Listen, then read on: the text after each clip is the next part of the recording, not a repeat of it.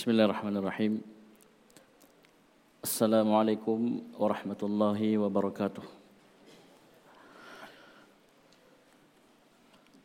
الحمد لله رب العالمين والصلاة والسلام على المبعوث رحمة للعالمين نبينا محمد وعلى آله وصحبه ومن تبعهم بإحسان إلى يوم الدين أما بعد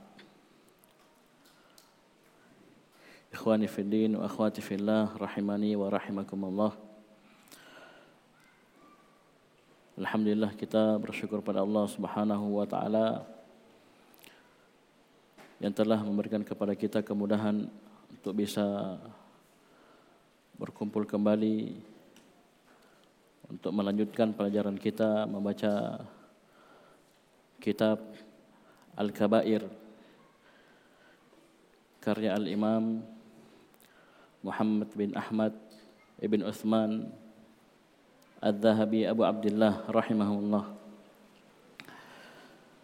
Dan Alhamdulillah di pertemuan yang terakhir kita sudah membaca Al-Kabirah Al-Ula Dosa besar yang pertama Yaitu asyirku billah. Dosa besar yang pertama adalah menyekutukan Allah Subhanahu wa taala. Dan asalnya kata asyirku billah itu digunakan dalam syirik pada uluhiyah, pada ibadah. Itu ketika seorang menyerahkan ibadahnya memalingkan ibadahnya kepada selain Allah Subhanahu wa taala.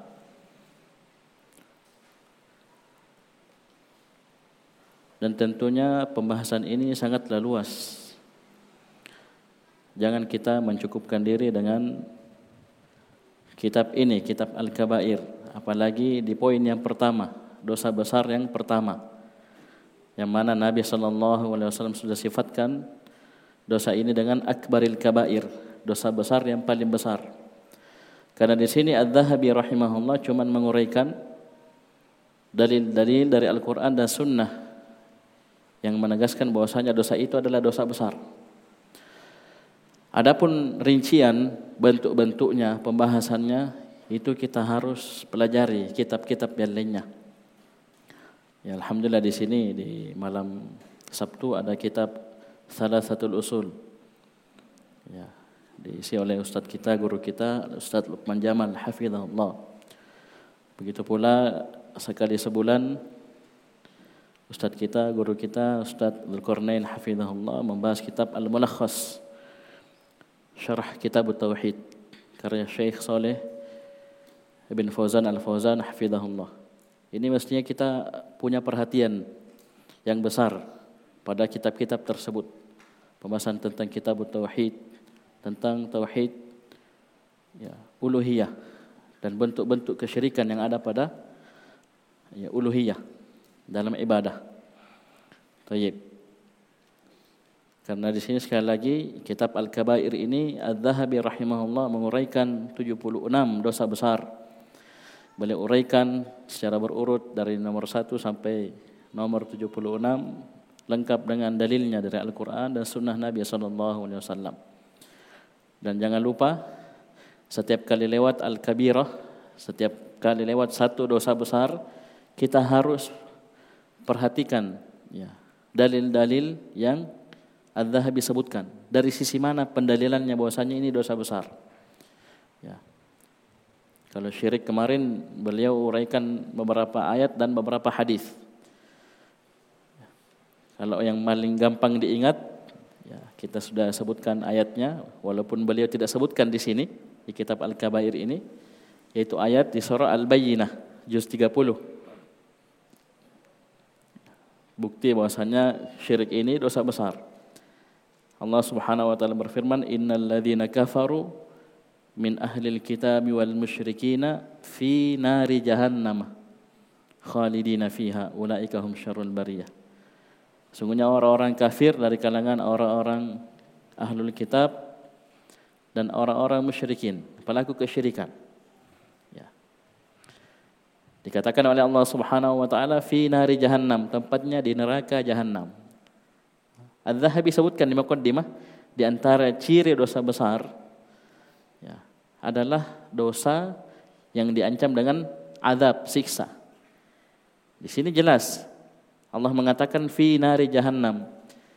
Orang-orang musyrikin begitu pula ahlul kitab tempatnya di neraka jahannam. Ya.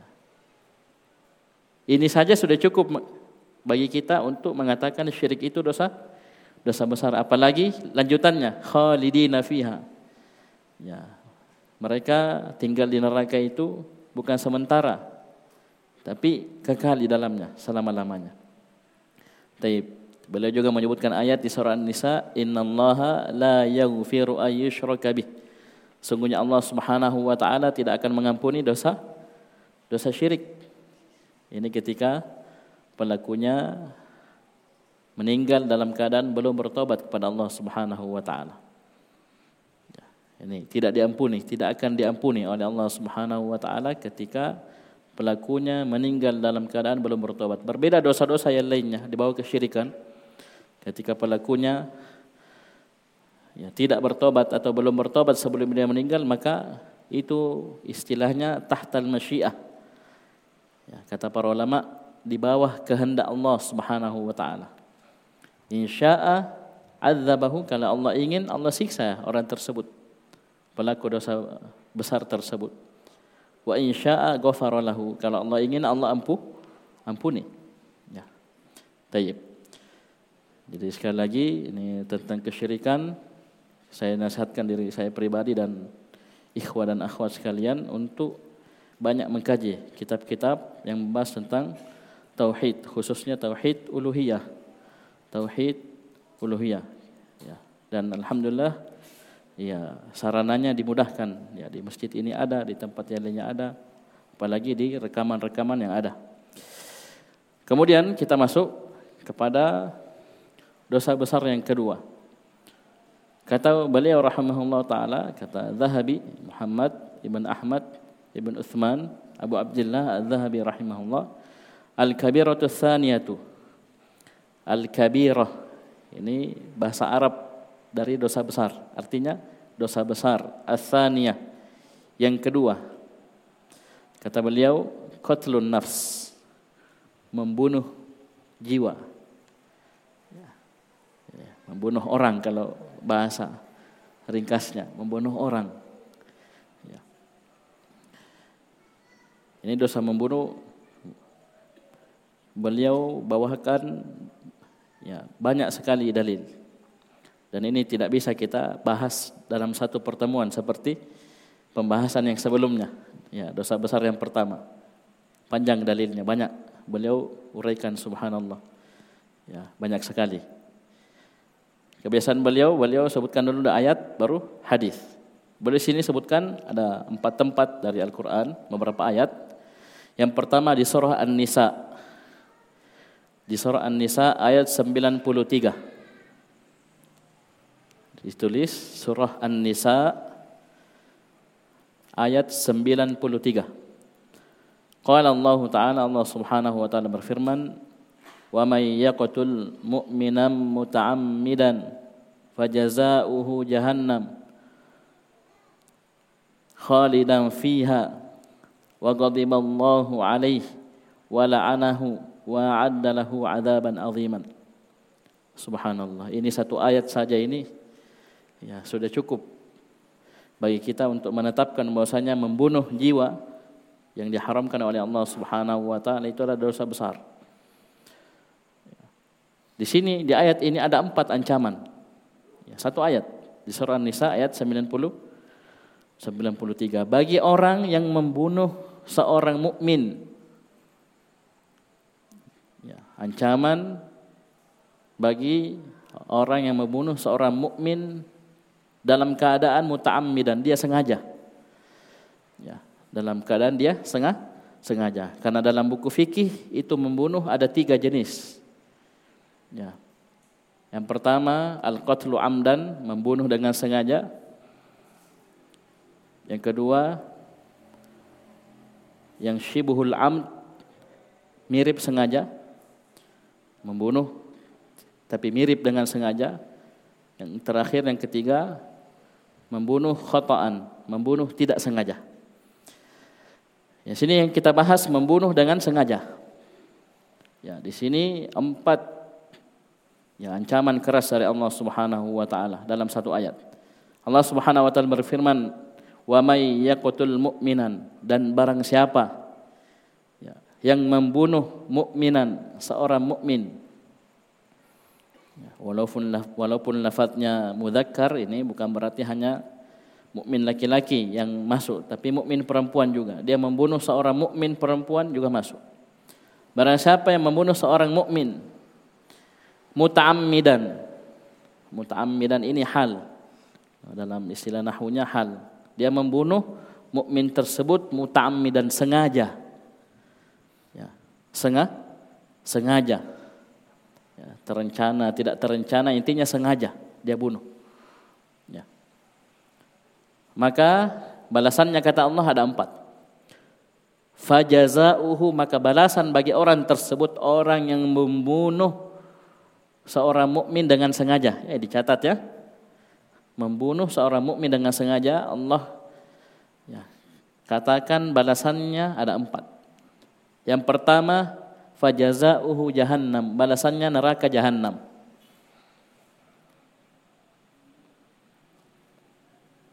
Khalidan fiha dia kekal di dalamnya.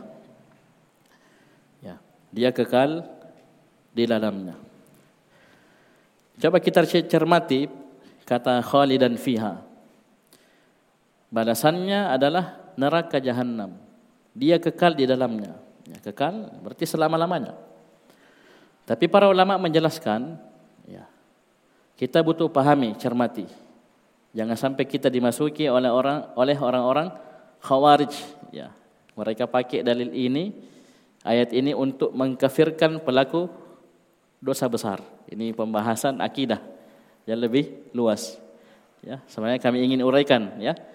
Ya ada tiga kelompok besar di sini tapi sekali lagi ya tujuan utama kita membahas buku ini adalah bagaimana kita bisa mengenal ya jenis-jenis dosa-dosa besar itu apa beserta dengan dalil dalilnya ya. Karena ini sekali lagi Khawarij mengatakan ya pelaku dosa besar itu kafir kekal di dalam neraka selama-lamanya. Ya. Dan ini pemikiran yang menyimpang. Karena keyakinan kita ahlu sunnah wal jamaah, ya pelaku dosa besar itu tidak dikafirkan. Ya, tidak dikafir, dikafirkan. Oleh karena itu, kata para ulama di sini, ketika seorang yang membunuh mukmin dalam keadaan sengaja tersebut itu masih beriman. Dia tidak pernah melakukan syirik akbar, ya, kekufuran, ya. Dia betul membunuh dengan sengaja seorang mukmin. Maka kata khalidan fiha ini, dia tempatnya diancam dengan neraka jahanam, khalidan fiha itu tidak kekal tapi sakit lamanya dikatakan khalidan fiha. Ini yang pertama. Karena orang yang masih ada keimanan di dalam hatinya, dia muwahhid sebesar apa pun dosanya, ya. Selama apa pun dia di dalam neraka, maka pasti ujung-ujungnya dia akan kelu keluar masuk ke dalam sur surga itu keyakinan harus kita pegang. Ya. Loh Ustaz, kenapa dikatakan khalidan fiha itu sakit lamanya? Dia disiksa di dalam neraka jahan, jahanam. Ini poin pertama. Jadi saya ulangi, ketika pembunuh tersebut yang membunuh seorang mukmin dengan sengaja masih beriman, masih muwahhid, ya, dikatakan sini balasannya neraka jahanam, dia kekal di dalamnya selama-lamanya itu sakit lamanya. Tidak kekal selama-lamanya maksudnya dia di neraka terus dan masuk surga tidak. Karena adanya keimanan disebutkan dalam hadis yang lain. Ya, ini ayat disebutkan dalam hadis yang lain, dalil yang lain bahwasanya orang yang masih ada dalam hatinya keimanan nanti Allah akan suruh keluarkan dari neraka, suruh keluarkan masukkan ke dalam sur, surga.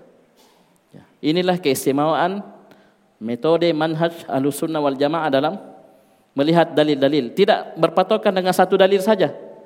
Ya, Oh sudah ini dia pembunuh kafir ya seperti kata Khawarij ya dia kekal dalam neraka. Ada dalil yang lain memang menyebutkan bahwasanya ketika masih ada keimanan dalam hatinya maka dia akan dikeluarkan dalam ya dalam neraka, masuk ke dalam surga. Poin yang kedua kata pada kata dan fiha ini kekal di dalamnya itu ketika seorang mengingkari ayat ini. Mengingkari afan mengingkari akan haramnya membunuh. Ya. Dia katakan halal membunuh. Dia ingkari ayat Al-Qur'an. Ya. Maka ini posisinya dia kufur, kekufuran. Sehingga khalidan fiha ini sebagaimana yang kita pahami, dia kekal di dalamnya selama-lamanya. Ya. Saya ulangi, ketika seorang itu istihlal, dia menghalalkan ya dosa membunuh tersebut. Ya, jadi bukan sekedar membunuh dengan sengaja, tapi dia halalkan. Maka ini kita pahami sebagaimana zahirnya itu kekal di dalamnya selama lamanya karena dia sudah kufur. Dia sudah ku kufur. Berbeda yang tadi, yang pertama, dia masih mukmin tapi terjatuh dalam dosa membunuh seorang mukmin dengan sengaja. Kita katakan khalidan fiha ini kita katakan dia berada dalam neraka sangat dalam waktu yang sangat lama. Saking lamanya dikatakan khalidan fiha. Tapi keyakinan kita dia ujung-ujungnya pasti akan keluar masuk ke dalam sur surga. Dimasukkan ke dalam surga oleh Allah Subhanahu wa taala karena sebab adanya keimanan. Adapun yang kedua, ya, dia menghalalkan dosa membunuh ini. Dalam keadaan dia sadar, dia paham akan ayat-ayat hadis, kemudian dia ingkari hal tersebut. Nah, ini dikatakan kekal di dalamnya selama-lamanya karena dia sudah ku, kufur. Taib. Ini yang pertama, balasan yang pertama. Jadi orang yang membunuh seorang mukmin dengan sengaja balasannya neraka jahanam. Dia kekal di dalamnya selamanya. Ya, ini kita sudah sebutkan ya. ya. Ada dua titik pembahasan di situ. Balasan yang kedua wa ghadiballahu alaih dan Allah ghadiba murka terhadap dirinya. Ya. Ini juga ciri dosa besar ketika sebuah dosa diancam dengan mur murka Allah Subhanahu wa taala.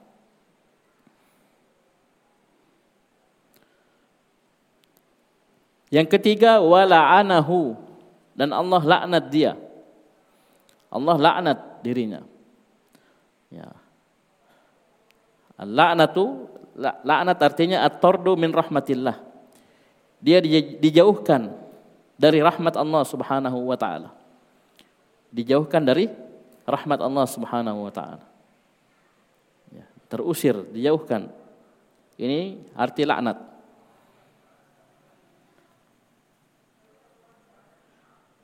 Ya sudah berapa tadi? Tiga.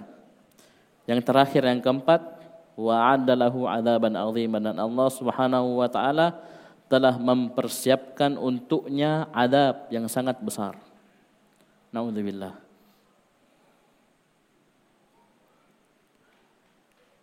Jadi membunuh seorang mukmin itu bukan perkara yang sepele.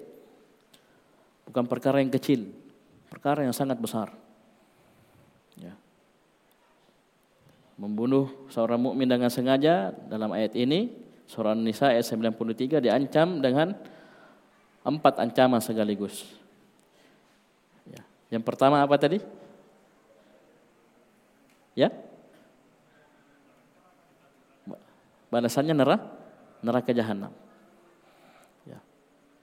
Yang kedua, Allah akan murka wa ghadiballahu alaih.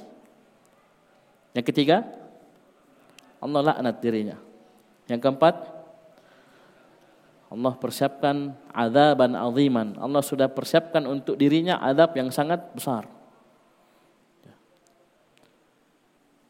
Ini dalil yang pertama. Padahal satu dalil ini saja sudah cukup bagi kita ya. Jadi antum kalau tidak bisa hafal semua, ya tidak bisa ingat semua, hafal satu saja. Kita katakan ini dosa besar. Disebutkan oleh Al-Zahabi, urutan pertama, urutan kedua. Dalilnya ini. Sisi pendalilan bahwasanya dosa besar dari ya, poin ini, dari ayat ini, dari lafaz ini. Taib. Ini dari empat ancaman ini, satu saja sudah cukup kita katakan dosa dosa besar dosa itu dilaknat, apa orangnya dilaknat, atau Allah murka kepadanya, diancam dengan jahanam atau Allah siapkan adab. Ini satu dari empat ini saja sudah cukup bagi kita untuk mengatakan dosa tersebut dosa be, dosa besar. Jadi ini juga di antara cara kita mudah mengingat ciri dosa besar. Hafal saja ayat ini. Ya. Ada dosa diancam dengan jahanam, neraka jelas dosa besar. Satu. Diancam dengan murka Allah, dosa besar. Dua. Diancam dengan laknat, dosa besar. Tiga. Ya. Keempat, diancam dengan adab. Apalagi sini adaban aziman, dosa besar. Membunuh seorang mukmin dengan sengaja empat-empatnya terkumpul pada diri pembunuh tersebut. Naudzubillah. Padahal satu saja sudah mengerikan. Ini empat-empatnya, satu ayat. Dan banyak lagi ayat-ayat yang menyebutkan ya mengerikannya dosa membunuh ini. Begitu pula hadis-hadis yang akan beliau sebut sebutkan. Kemudian ayat yang kedua di surah Al-Furqan. Di surah Al-Furqan ayat 68 sampai 70. Ya, ayat 68 sampai 70. Ini di halaman terakhir di surah Al-Furqan, sebelah kiri, sebelah kiri paling atas. Ya. Di mushaf cetakan Madinah yang kita pegang. Allah Subhanahu wa taala berfirman wa qala ta'ala walladzina la yad'una ma'allahi ilahan akhar. Dan orang-orang yang tidak berdoa, beribadah bersama Allah Subhanahu wa taala kepada ilahan akhar, kepada Tuhan yang lainnya ini sifat-sifat ibadur rahman, hamba-hamba Allah ar-Rahman. Mereka tidak berdoa bersama Allah Subhanahu wa taala kepada Tuhan yang lainnya. Sama sekali ibadahnya, doanya, seluruh ibadahnya hanya dia peruntukkan hanya untuk Allah Subhanahu wa taala. Wala yaqtulu wala yaqtuluna an-nafsa allati harramallahu illa bil haqq. Dan mereka tidak membunuh jiwa yang Allah Subhanahu wa taala haramkan illa kecuali bil haqq dengan alasan yang dibenarkan dalam syariat. Ini faedah untuk kita. Jadi ada pembunuhan yang dibenarkan dalam syariat. Dijelaskan dalam hadis Abdullah bin Mas'ud hadis dari sahabat Abdullah bin Mas'ud radhiyallahu anhu riwayat Bukhari dan Muslim. Ya, riwayat Bukhari dan Muslim. Hadis ke-14 di Arba'in An-Nawawiyah. Hadis ke-14 di Arba'in An-Nawawiyah. Nabi sallallahu alaihi wasallam bersabda, "La yahillu damu muslimin illa bi ihda salas." Tidak halal darah seorang muslim ya, ini hukum asalnya tidak halal darah seorang muslim illa kecuali bi karena ihda satu asalah satu dari tiga kelompok satu satu dari tiga alasan yang pertama as-sayyibuz zani as-sayyib orang yang sudah menikah dengan nikahnya syar'i az-zani kemudian dia berzi berzina saya ulangi, orang yang sudah menikah dengan nikah yang syar'i kemudian dia berzina. Asalnya haram, tidak halal, darahnya berubah menjadi halal. Kenapa? Dalam hukum Islam, orang yang sudah menikah dengan nikah yang syar'i kemudian dia berzina, hukumnya rajam. Rajam diapai? Ditanam, dikubur dia, Dinampakkan sebagian tubuhnya kemudian dilempar batu sampai sampai mati, sampai meninggal. Dibunuh kan? Dibunuh. Dibunuh. Ya. Loh Ustaz, dosa Ustaz. Ini namanya bilhak. Ya. ya. Ini hukum syariat, hukum rajam namanya. Yang kedua, wan nafsu bin nafs. Jiwa dibalas dengan jiwa. Subhanallah, indahnya syariat syariat Islam. Jiwa dibalas dengan jiwa. Ada orang membunuh, balasannya bunuh juga. Kisos. Apalagi keluarganya tidak setuju, dia minta juga darahnya. Karena asalnya kalau keluarganya setuju dia bisa keluarga si atau si pembunuh tersebut bisa bayar diat. Diat dia bayar diatnya satu jiwa, seratus ekor onta. Kali maki berapa harganya satu ekor onta. Tapi kalau keluarganya tidak setuju, tidak, kami minta darahnya. Nah, ini maka hukumnya kisos, jiwa dibalas dengan jiwa. Dibunuh juga. Ya, biasanya pakai algojo, ya. Ada algojonya. Ya, mungkin ditembak, mungkin disembeli atau intinya dibunuh. Ini dua. Yang ketiga, watariku lidini, orang yang meninggalkan agamanya. Murtad, keluar dari Islam. Ya, sekali lagi ini semua bukan wewenang kita, ini wewenangnya pemerintah. Ya, jangan ada oh, sudah dapat pembahasan kitab Al-Kabair disebutkan dalil ini. Oh, dia piterapkan. Oh, ada orang sudah menikah berzina, saya rajam. Bukan wewenang kita, wewenang pemerintah. Kita cuma menguraikan hukum. Dan ini dalilnya kita sudah sebutkan di akhir dalil Al-Kabirah Al-Ula. Ya, kemarin pembahasan sebelumnya. Man baddala dinahu faqtuluh kata Nabi SAW. Barang siapa yang mengganti agamanya, maka bunuhlah dia. Dan ini tentunya ada prosesnya ya, bukan langsung main bunuh saja. Dan ini sekali lagi wewenangnya pemerintah, ya, wewenangnya pemerintah. Kemudian sebutkan dalam hadis al-mufariqu lil jamaah. Orang yang menyelisihi al-jamaah.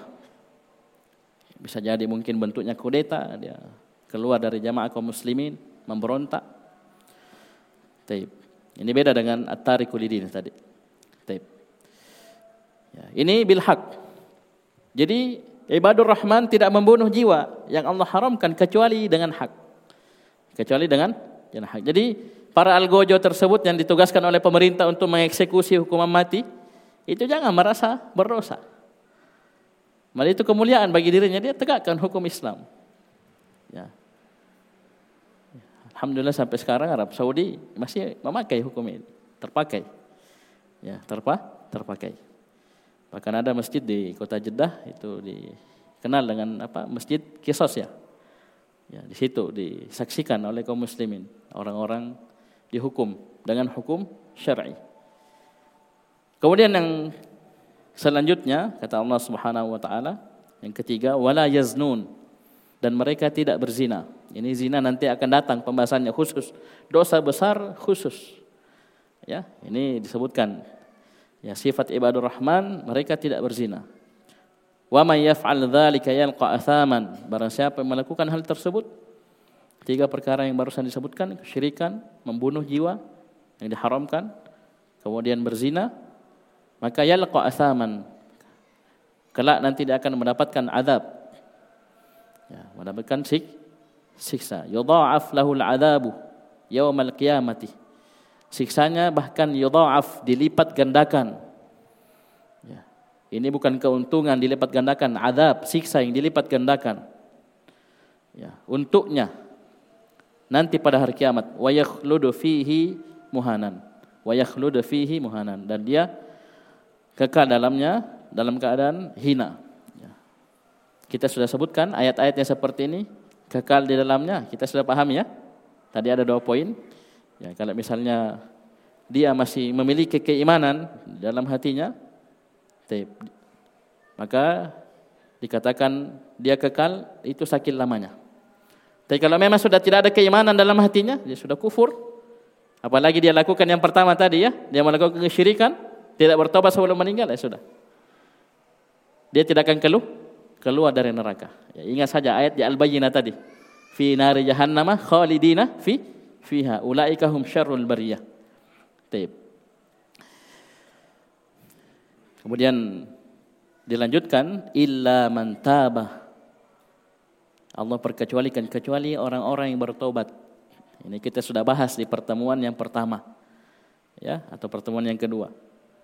Ya, Ketika seorang bertobat dari dosa, dosa sebesar apa pun, sebanyak apa pun, sengeri apa pun, ketika seorang hamba bertobat dengan taubatan nasuha, maka Allah Al-Ghaffar, Al-Ghafur, Ar-Rahman, Ar-Rahim. Akan mengampuni dosa-dosa tersebut. Akan mengampuni dosa tersebut. Jadi ayat di surah Az-Zumar itu hendaknya selalu kita ingat-ingat. Innallaha yaghfiru dzunuba jami'an.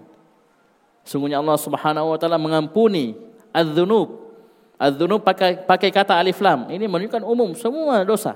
Diperkuat jami'an seluruhnya tanpa terkecuali. Termasuk dosa syirik, dosa membunuh, dosa berzina. Allah akan ampuni. Ketika seorang to, taubat dengan taubatan taubatan nasuha. Cuma perhatikan. Taubatan nasuha itu ada syarat-syaratnya. Dan ini sudah sering diulangi oleh guru-guru kita. Syarat taubatan nasuha yang ada lima. Ada ada lima. Yang pertama, dia tobat ikhlas karena Allah Subhanahu wa taala. Takut akan adab Allah Subhanahu wa taala. Mengharap surga Allah Subhanahu wa taala. Ini ikhlas. Ya.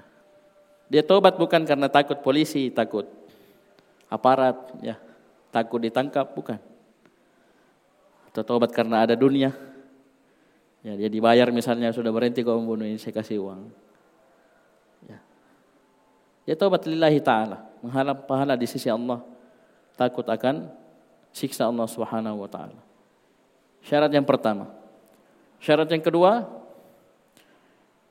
dia alikla, dia berhenti dari dosa tersebut. Dia cabut dirinya dari dosa.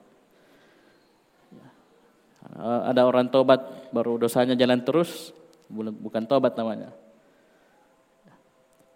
Ya. Jadi dia berhenti dari dosa tersebut. Namanya al-ikla pakai ain. Yang ketiga, dia menyesali ya, perbuatan dosa yang sudah dilakukan tersebut. Bahasa Arabnya an-nadam an nadam. Menyesal. Bukan malah berbangga. Ya, bukan malah berbang, berbangga. Dia cerita sana sini. Allah sudah tutupi dosa tersebut, dia pergi cerita sana sini. Naudzubillah. Ya. Apalagi dia cerita dalam keadaan berbangga. Ya, tidak ada kota di malam ya. Kita begini begini begini ya. Kita sudah begini begini Ya, dia harus sesali dosa tersebut. Yang keempat, dia harus bertekad ya, kuat untuk tidak mengulangi dosa. Bertekad kuat, bahasa Arabnya azam, ya, al-azam, syarat keempat. Dia bertekad kuat untuk tidak mengulangi dosa tersebut di masa yang akan datang. Untuk tidak mengulangi dosa tersebut di masa yang akan datang. Bahasa Arabnya ini al-azam. Terakhir yang kelima, masih ada waktu. Masih ada waktu. Ya. Loh Ustaz, kenapa ada syarat kelima ini masih ada waktu? Karena taubat itu ada batas waktunya. Ya, bukan hanya pulsa, bukan hanya data. Ya. Tobat juga ada batas waktunya. Batas waktunya dua. Yang pertama sebelum nyawa sampai ke tenggorokan. Kalau nyawa sudah sampai tenggorokan kita baca surah Hud. Ya. Fir'aun saja tobat. Tapi sudah posisi tenggelam sakaratul maut. Ini sudah terima lagi. Dia beriman disebutkan dalam Al-Qur'an. amantu billadzi amanat bihi banu Israel. Saya beriman dengan Rob yang Bani Israel itu beriman kepadanya. Beriman kepada Allah. Tapi tidak ada lagi gunanya taubat ketika nyawa sudah di kerongkongan. Yang kedua, sebelum matahari terbit dari tempat terbenamnya. Matahari terbenam di arah barat. Kapan terbit dari arah barat, bukan terbenam, terbit dari arah barat, tidak ada lagi. Ya, tobat. Tidak diterima lagi tobat, tertutup pintu tobat. Adapun sebelum itu terbuka lebar, terbuka luas. Orang yang melakukan dosa di siang hari, Allah buka pintu taubat selebar-lebarnya di malam hari. Orang yang melakukan dosa di malam hari, Allah buka pintu seluas-luasnya bagi orang yang bertobat di, di pagi hari. Terus seperti itu. Ya. Dan keutamaan orang yang bertobat sangatlah banyak dan bukan tempatnya kita bahas di sini. Ini lima syarat ya. Ditambah syarat yang keenam ketika dosanya itu berhubungan dengan sesama makhluk, sesama manusia. Itu dia minta penghalalan, minta maaf. Ya, minta minta maaf, minta penghalalan dari hak yang sudah dia dia ambil atau kezaliman yang sudah dia, dia lakukan kepada saudaranya. Ya, Tapi dengan catatan tidak menimbulkan tidak menimbulkan madarat yang lebih besar.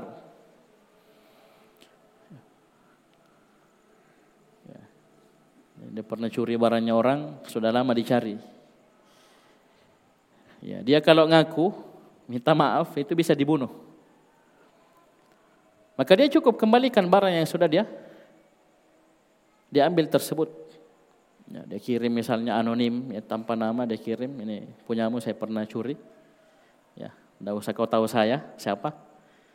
Ya, kan. Karena khawatir kalau dia mengaku saya yang ambil anumu dulu. Ah, ini tahu sudah.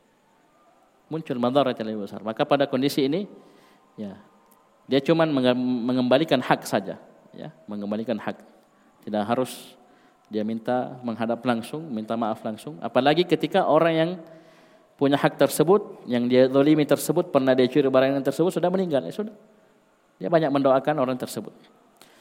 Taib. Ini syarat yang keenam terakhir. Ketika ada hubungannya, dosa tersebut berhubungan dengan manu, manusia. Kemudian Ayat yang ketiga yang beliau sebutkan sini Surah Al-Maidah ayat 32. Surah Al-Maidah ayat 32. Allah Subhanahu wa taala berfirman, "Wa man qatala nafs atau man qatala nafsan bighairi nafsin aw fasadin fil ardi faka'annama qatala an-nasa jami'an." Barang siapa yang membunuh jiwa bigoiri nafsin bukan karena orang tersebut itu sudah membunuh sebelumnya. Karena kita sudah sebutkan tadi kalau ada orang membunuh balasannya juga dibunuh. Kisos. Bukan karena itu. Au fasadin fil ardi atau bukan karena orang tersebut sudah melakukan fasad, kerusakan di atas muka bumi. Maka kata Allah Subhanahu wa taala, nama seakan-akan dia qatalan nasa jami'an, sudah membunuh seluruh manu, manusia. Ini mengerikannya dosa membunuh.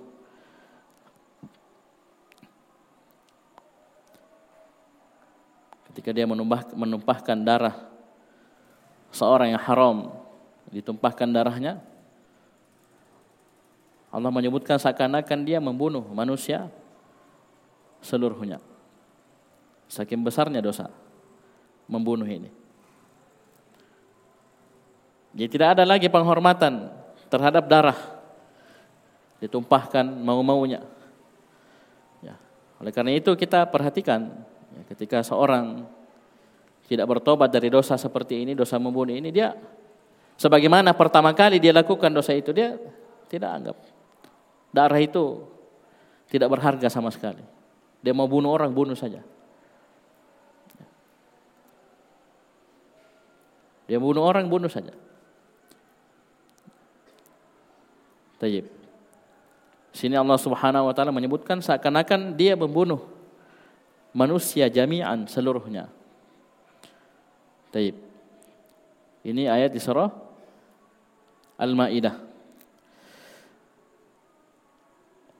Kemudian yang keempat yang terakhir ayat yang terakhir boleh disebutkan surah At-Takwir ayat 8 dan 9. Surah At-Takwir juz 30. Setelah surah Abasa ya. Surah At-Takwir ayat 8 dan 9. Allah Subhanahu wa taala berfirman, "Wa idzal mau'udatu su'ilat Dan ketika al-mau'udah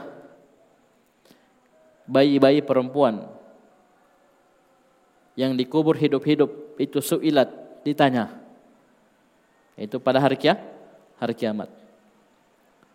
Jadi al-mau'udah itu bayi perempuan yang dikubur hidup-hidup.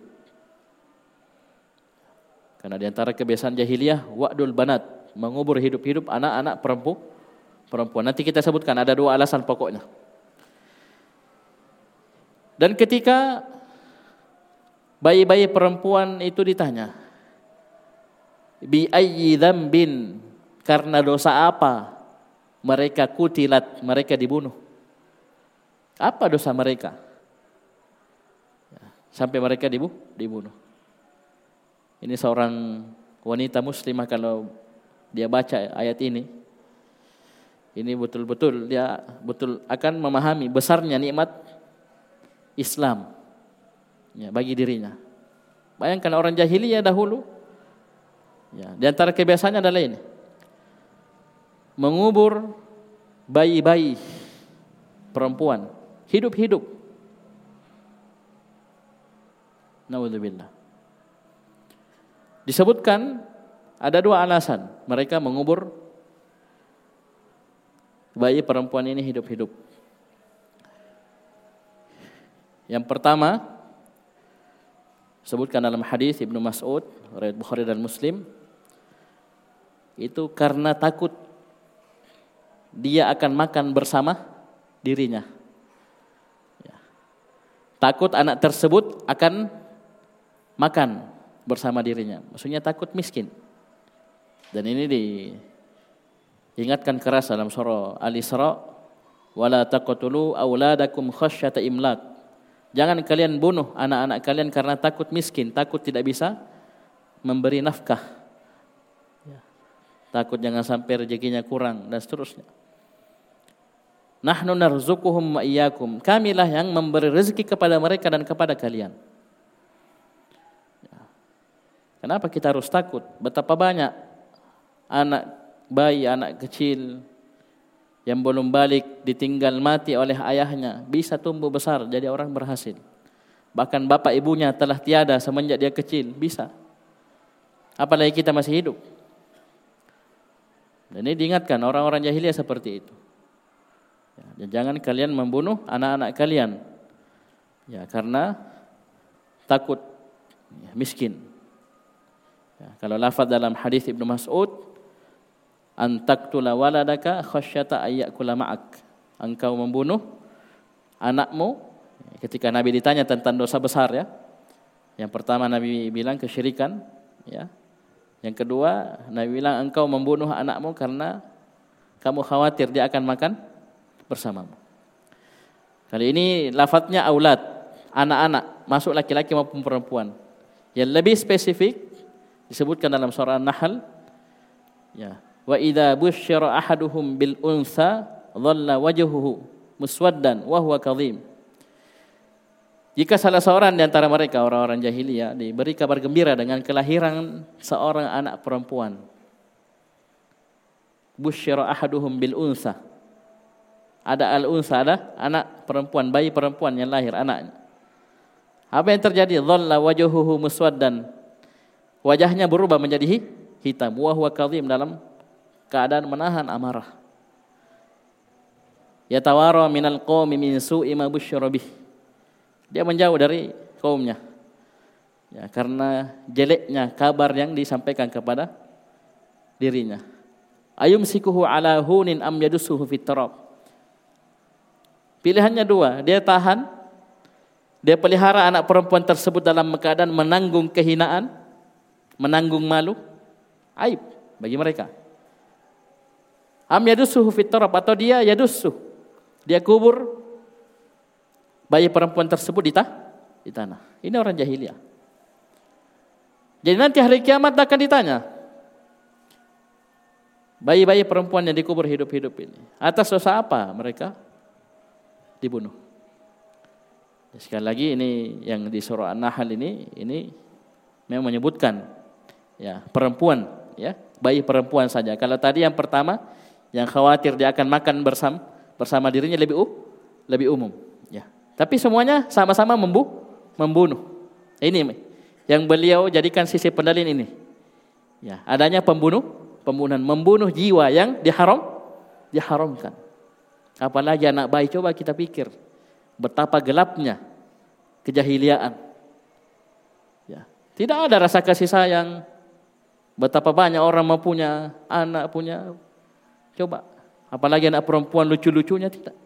Sampai disebutkan di sebagian penjelasan masyaikh bahwasanya orang jahiliyah itu ketika istrinya mau melahirkan digali memang lubang di sampingnya.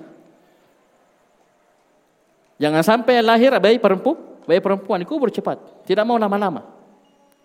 Naudzubillah. Ini sampai seperti itunya. Seperti separah itunya mereka berpikir. Cara mereka berpikir. Digali gali memang lubang. Ya, kita saja hari-hari ya, kalau kita punya anak itu Ya mungkin nanti pi selesai baru itu kadang juga masih tersimpan nanti baru kita gali lubang untuk mengubur ari-ari anak kita atau ya cucu kita. Ini tidak bayinya, anaknya, keturunannya, perempuan lagi. Nah ini nikmat besar bagi seorang wanita muslim Allah muliakan dengan adanya ya syariat Islam. Ya, yang dahulu mereka dihinakan bahkan dianggap aib bagi orang jahiliyah bahkan dikubur hidup-hidup Ya, sebaliknya datang syariat Islam, Nabi wasallam memberikan kabar gembira bagi yang memiliki dua orang putri. Dua orang anak perempuan dia punya, dua, dua orang anak perempuan dia berbuat baik kepada dua anak perempuannya tersebut. Ya, dia didik di atas pendidikan agama sesuai dengan tuntunan Al-Quran dan Sunnah. Terus dia bersabar menghadapi anak perempuan tersebut. Kata Nabi SAW, dua anak perempuan ini akan jadi perisai baginya dari neraka. Coba mulianya seorang kedudukan seorang wanita muslimah dalam syariat Islam. Berbeda dahulu. Ya, sebelum datangnya Islam mereka tidak ada artinya. Ya, bahkan dikubur hidup-hidup ya, tanpa adanya dosa yang mereka lakukan. Jadi ini empat ayat di empat surah, ada beberapa ayat di empat surah, surah Nisa, Al-Furqan, uh, Al-Maidah dan At-Takwir. Ya, nanti insya Allah kita lanjutkan atau kita baca beberapa mau adzan dulu atau adzan dulu taib. Kita baca beberapa hadis karena sekali lagi banyak, banyak sekali hadisnya ya disebutkan. Ya. Taib, tafadhal. Taib.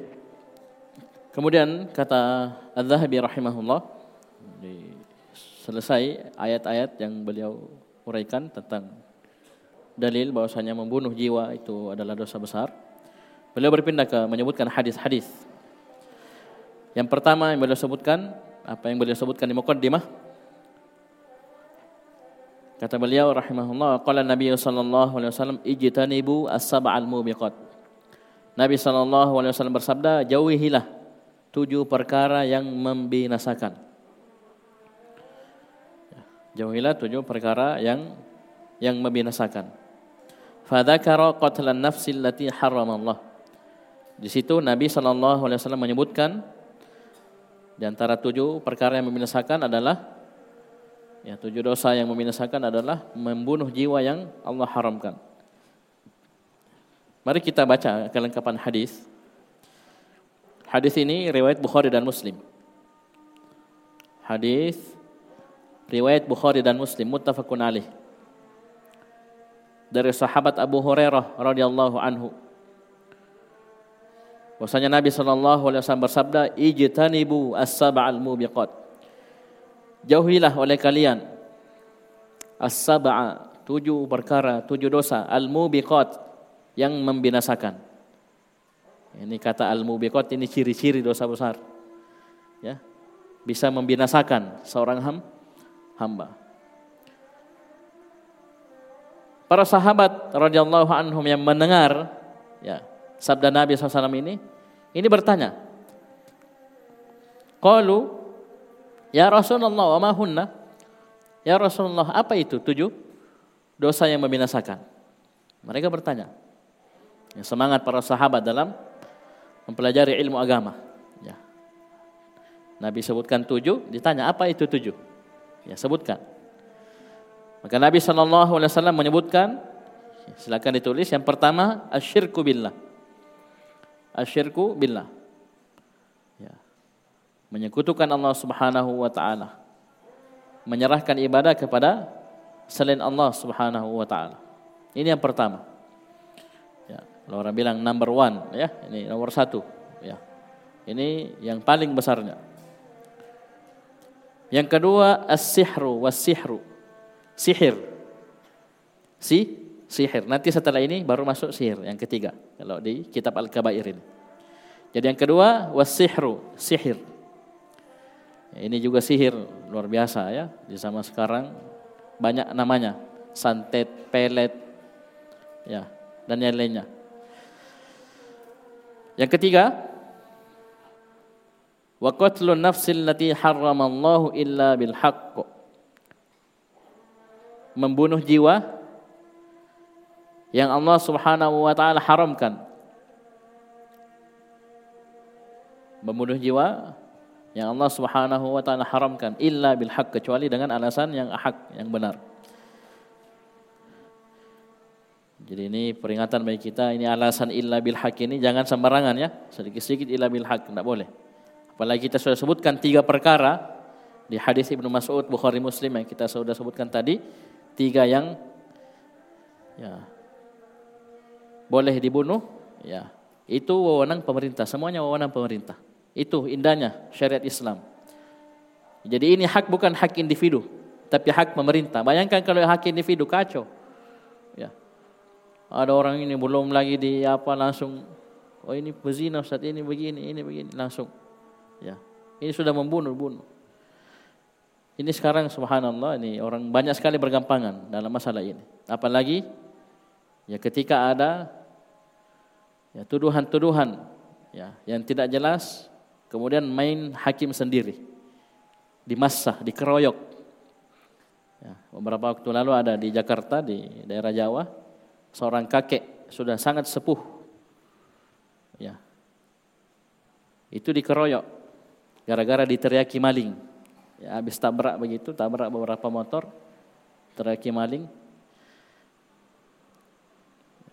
Kita kalau ada seperti itu, tidak boleh kita pukul pun tidak boleh. Kita lumpuhkan saja.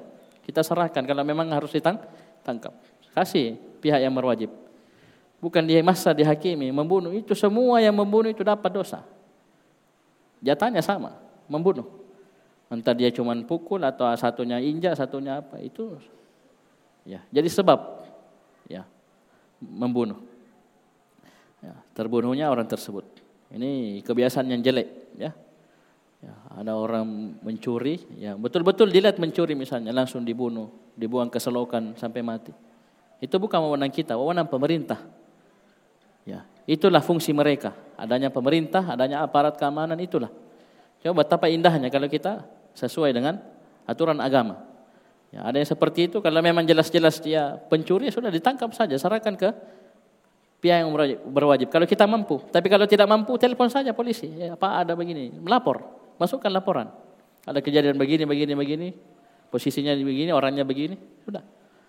Bukan malah di masa. Itu masuk membunuh masuk membunuh. Ini yang ketiga. Kemudian yang keempat, aklur riba. Wa aklur riba, memakan riba. Memakan riba. Ini yang keempat. Yang kelima, wa aklu malil yatimi. Memakan harta anak yatim. Ya, memakan harta anak anak yatim. Ini semua lengkap pembahasannya ya dalam agama kita. Ya, jangan dipahami begitu saja, ya, lengkap pembahasannya. Karena ada pengecualian-pengecualian seperti misalnya orang yang memang mengurusi anak yatim tersebut dia juga orang tidak ada, orang tidak mampu, maka dia boleh mengambil sekadarnya dari harta anak yatim tersebut yang mencukupi dirinya. Tapi sekali lagi ya asalnya berhati-hati. Ketika ada seorang anak, apalagi bapaknya orang kaya, orang banyak uangnya, ya. Dan ini ada pembahasannya dalam masalah masalah waris warisan. Ketika seorang ya meninggalkan ada anak, ada istri, ya istrinya ketika yang meninggal itu ada anaknya dapat seperlapan. Ya, kemudian anak-anaknya itu dapat ya sisa har sisa hartanya. Dan dimaklumi pembahasannya di masalah warisan. Ini harta ini tidak mungkin dikasih kepada anak kecil tersebut apalagi masih balita. Warisannya bapaknya misalnya 1 M, 2 M, tidak mungkin ini uangmu.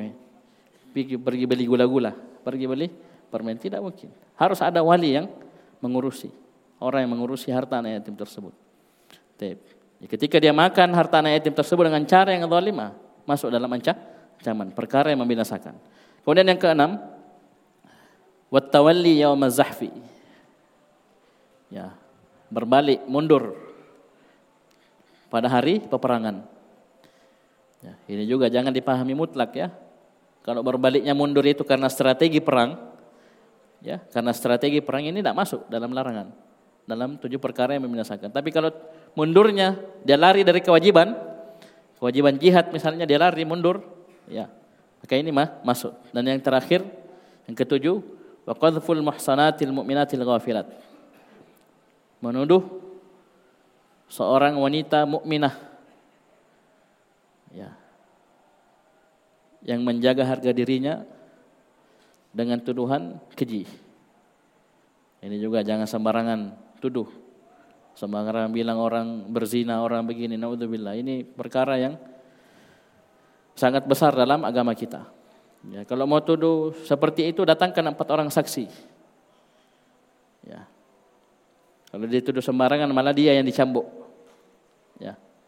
Jadi sekarang subhanallah main tuduh main ya ini menuduh perempuan yang beriman, mukminat, ya perempuan baik-baik dengan tuduhan yang keji. Ini tujuh perkara yang membinasakan. Di antara yang Nabi sebutkan adalah membu membunuh. Ini masih kita pembahasannya membunuh.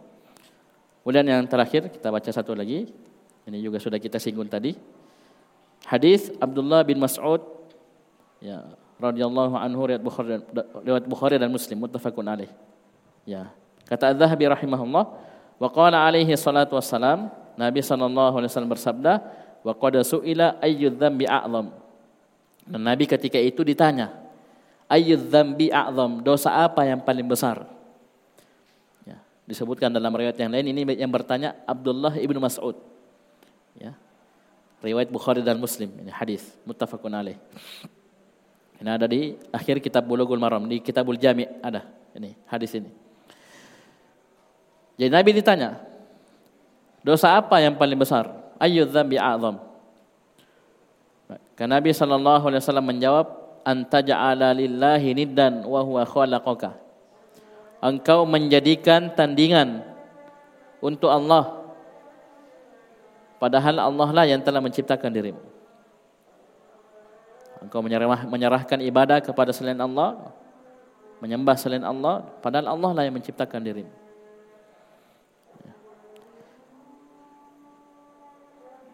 Qala thumma ay, kemudian Ibnu Mas'ud berkata lagi. Kemudian apa? Dosa apa lagi ya Rasulullah? Ya. Qala an taqtula waladaka khasyata ayyakula ma'ak. Engkau membunuh anakmu karena khawatir dia akan makan bersamamu. Ini titik pembahasan kita di sini. Ya. Ya, masuk dalam jajaran dosa dosa besar. Karena pertanyaannya apa? Dosa apa yang paling besar? Sebutkan kesyirikan yang pertama, Ibnu Mas'ud tanya lagi, "Summa ayu?" Kemudian dosa apa ya Rasulullah? Dijawab dengan jawaban ini. Engkau membunuh anakmu karena takut dia akan makan bersama dirimu. Ini dalam dua tempat disebutkan dalam Al-Quran. Di satu di surah Al-Isra yang kita sebutkan tadi. Satunya di surah Al-An'am. Ya, surah Al-An'am. Di sepuluh wasiat.